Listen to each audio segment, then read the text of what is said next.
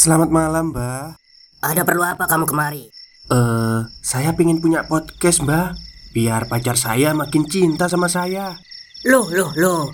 Mau bikin podcast kok tanya dukun? Sekarang kamu download aplikasi Anchor.fm. Di situ kamu bisa buat podcast gratis dan podcast kamu bisa didistribusikan ke platform mana pun. Dan di aplikasi atau website Anchor.fm juga terdapat fitur-fitur yang memudahkan kamu untuk membuat podcast. Oh, gitu ya, Mbak. Kalau gitu, saya boleh minta password wifi-nya, Mbak. Buat apa? Buat download Anchor.fm, Mbak. Berikut kisahnya. Kisaran antara tahun 89 sampai 90. Tinggallah sebuah keluarga di rumah itu. Sebut saja namanya Pak Sudirman. Dia adalah sekdes sekretaris desa Pak Dirja. Saat itu ia juga masih menjabat.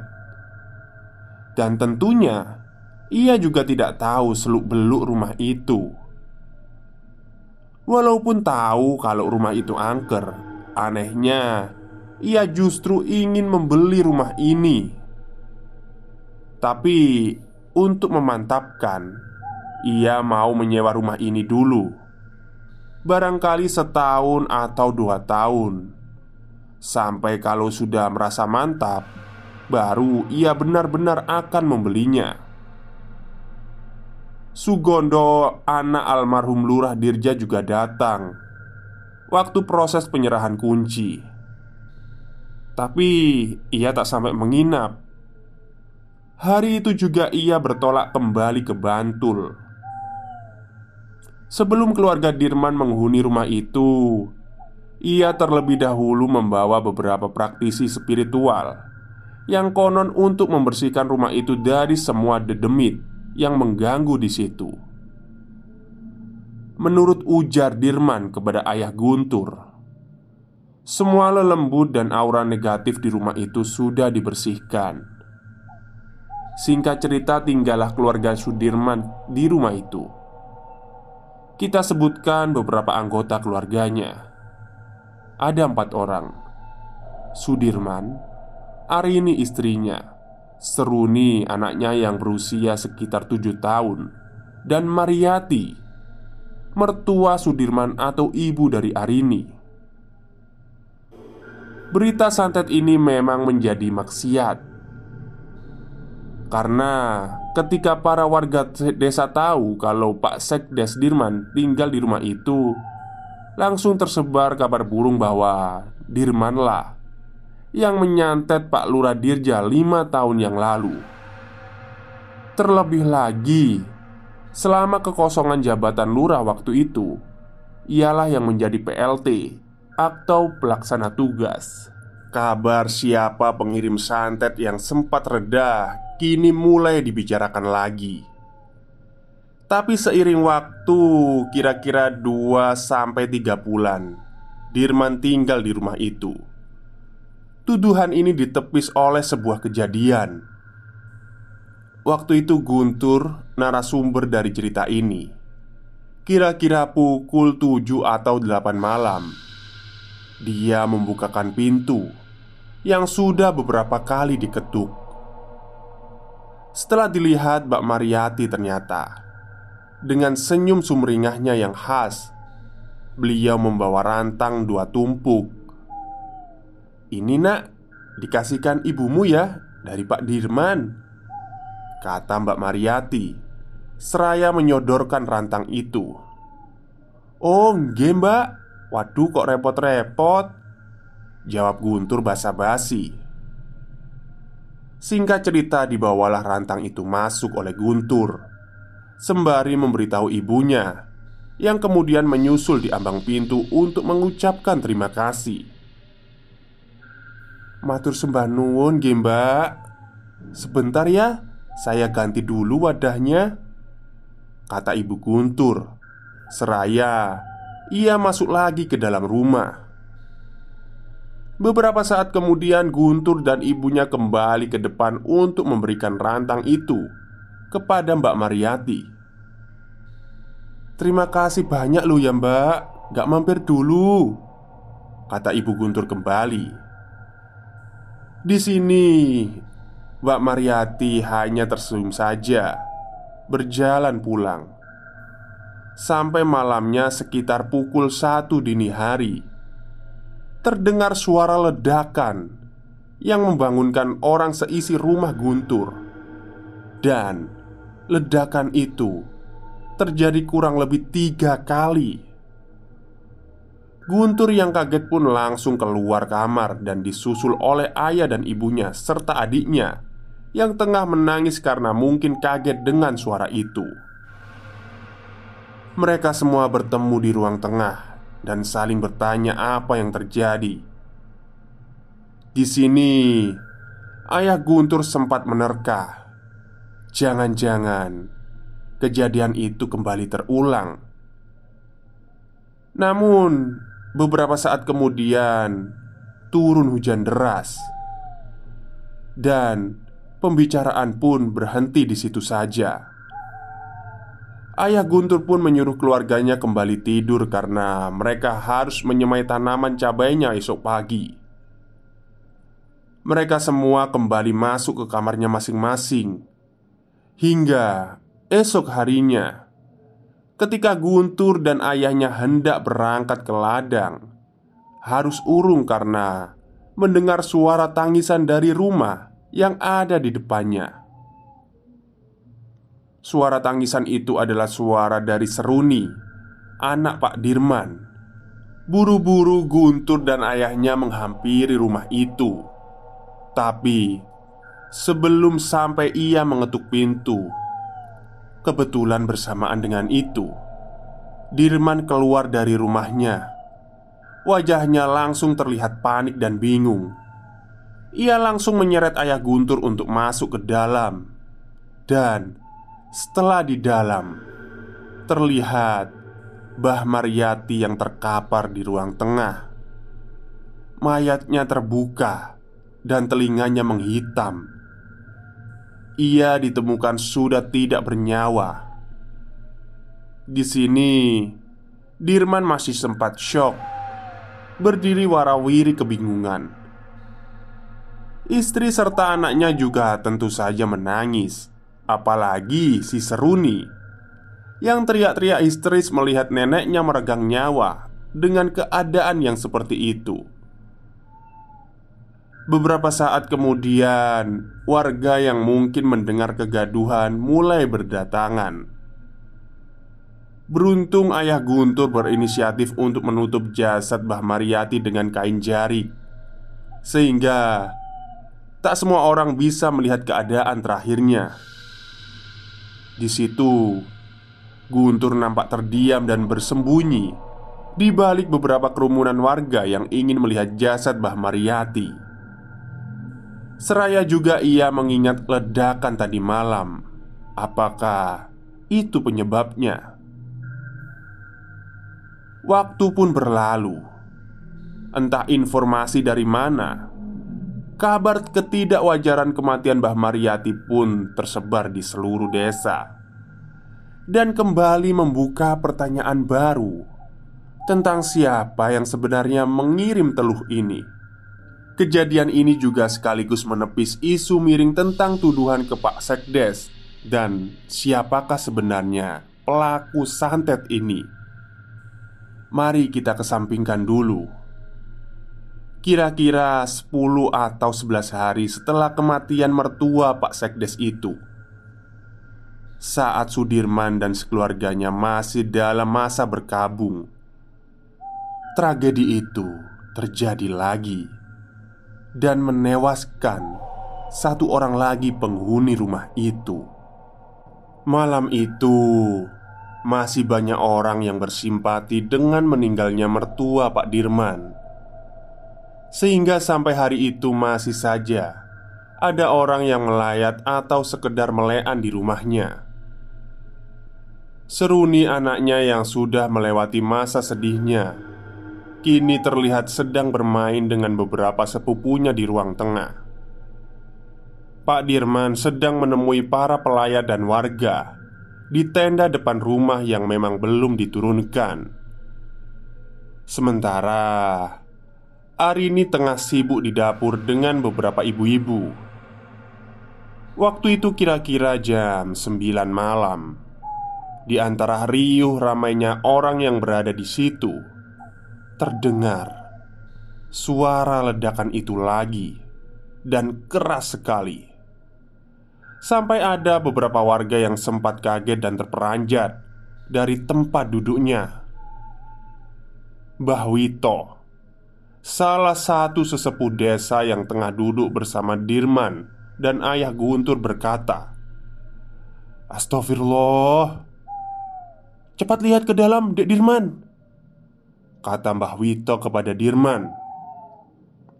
Seketika Dirman masuk ke rumah untuk memeriksa anak dan istrinya yang ternyata baik-baik saja.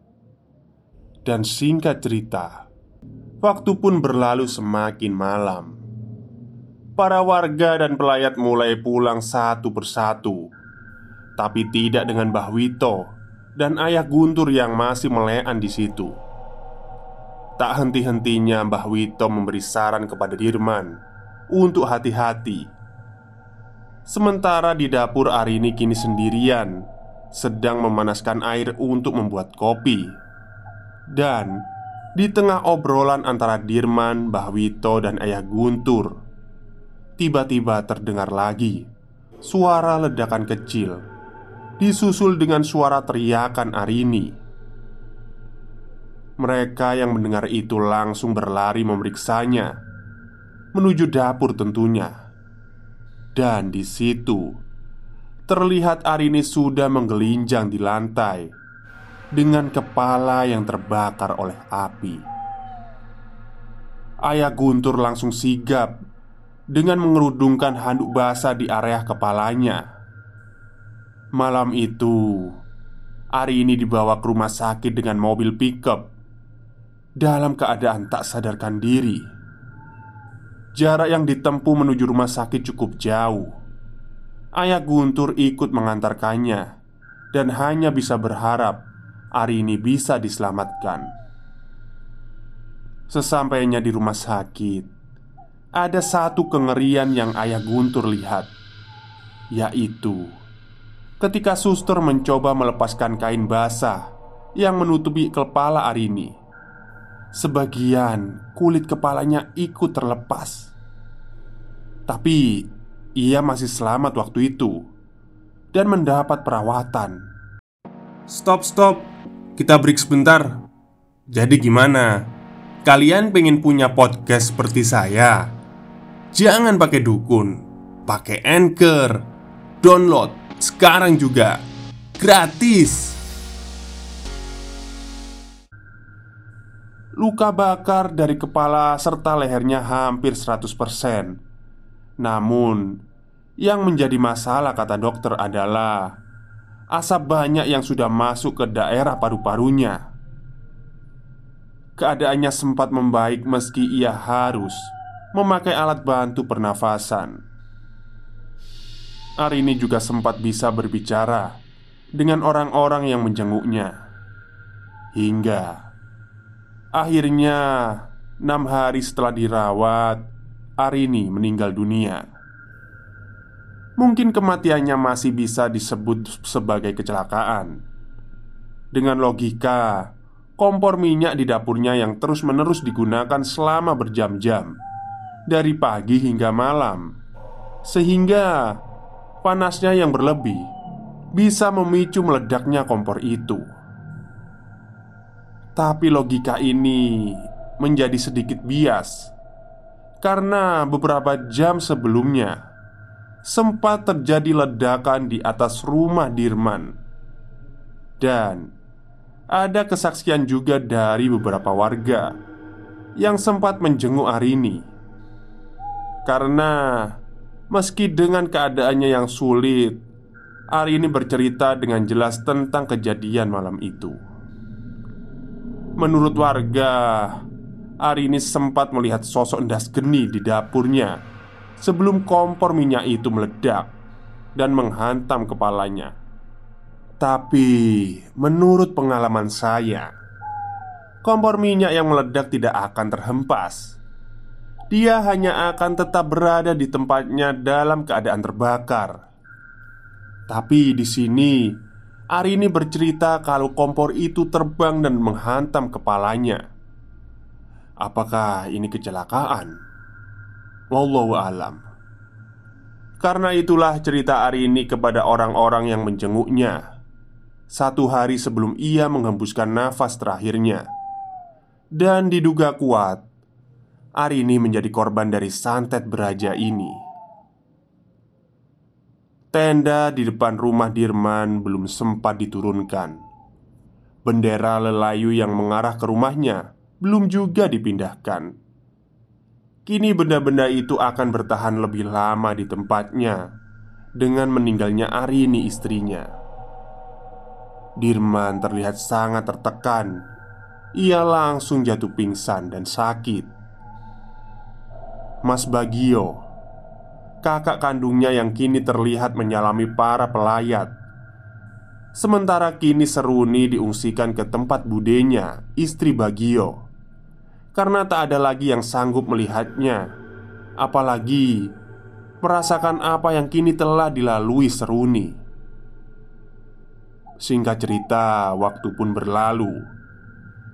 Kira-kira dua atau tiga bulan setelah kematian Arini Tanda-tanda santet beraja ataupun das geni sempat tak lagi muncul.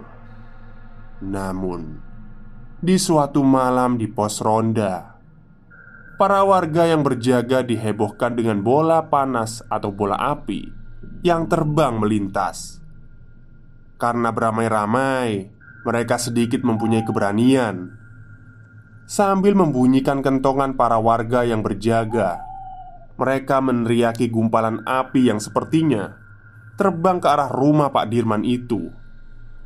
Ayah Guntur yang kebetulan hari itu juga ikut berjaga Terlihat berlari mendahului mengejar bola api itu Diikuti dengan beberapa warga di belakangnya Minggato! Minggato! Allahu Akbar! Kata para orang seraya terus membunyikan kentongan Hingga akhirnya Bola api itu berhenti di atas rumah Pak Dirman. Tak hentinya warga terus berteriak, walau dengan nada yang terlihat ketakutan. Bola api itu melayang mengitari rumah Pak Dirman hingga akhirnya pergi menjauh tanpa menimbulkan ledakan. Anehnya, Pak Dirman yang harusnya mendengar keributan di luar rumahnya, ia terlihat tak keluar Justru para tetangga yang ada di sebelahnya semua terlihat keluar untuk memeriksa apa yang sedang terjadi. Sampai-sampai warga pun pulang, dan keesokan harinya ternyata Pak Dirman ditemukan gantung diri di dalam rumahnya. Kronologi bagaimana Dirman ditemukan tidak diketahui pasti karena keterbatasan narasumber. Yang jelas, ia ditemukan gantung diri setelah malamnya. Warga melihat bola api itu berhenti di atas rumahnya. Meski tidak terjadi ledakan Tapi para warga menduga kuat.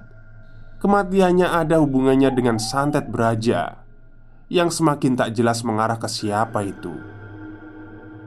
Menurut Bahwito Kutukan santet ini mengarah ke rumah itu rumah bekas Lurah Dirja yang saat itu dihuni oleh keluarga Sudirman. Lantas, bagaimana Seruni anaknya?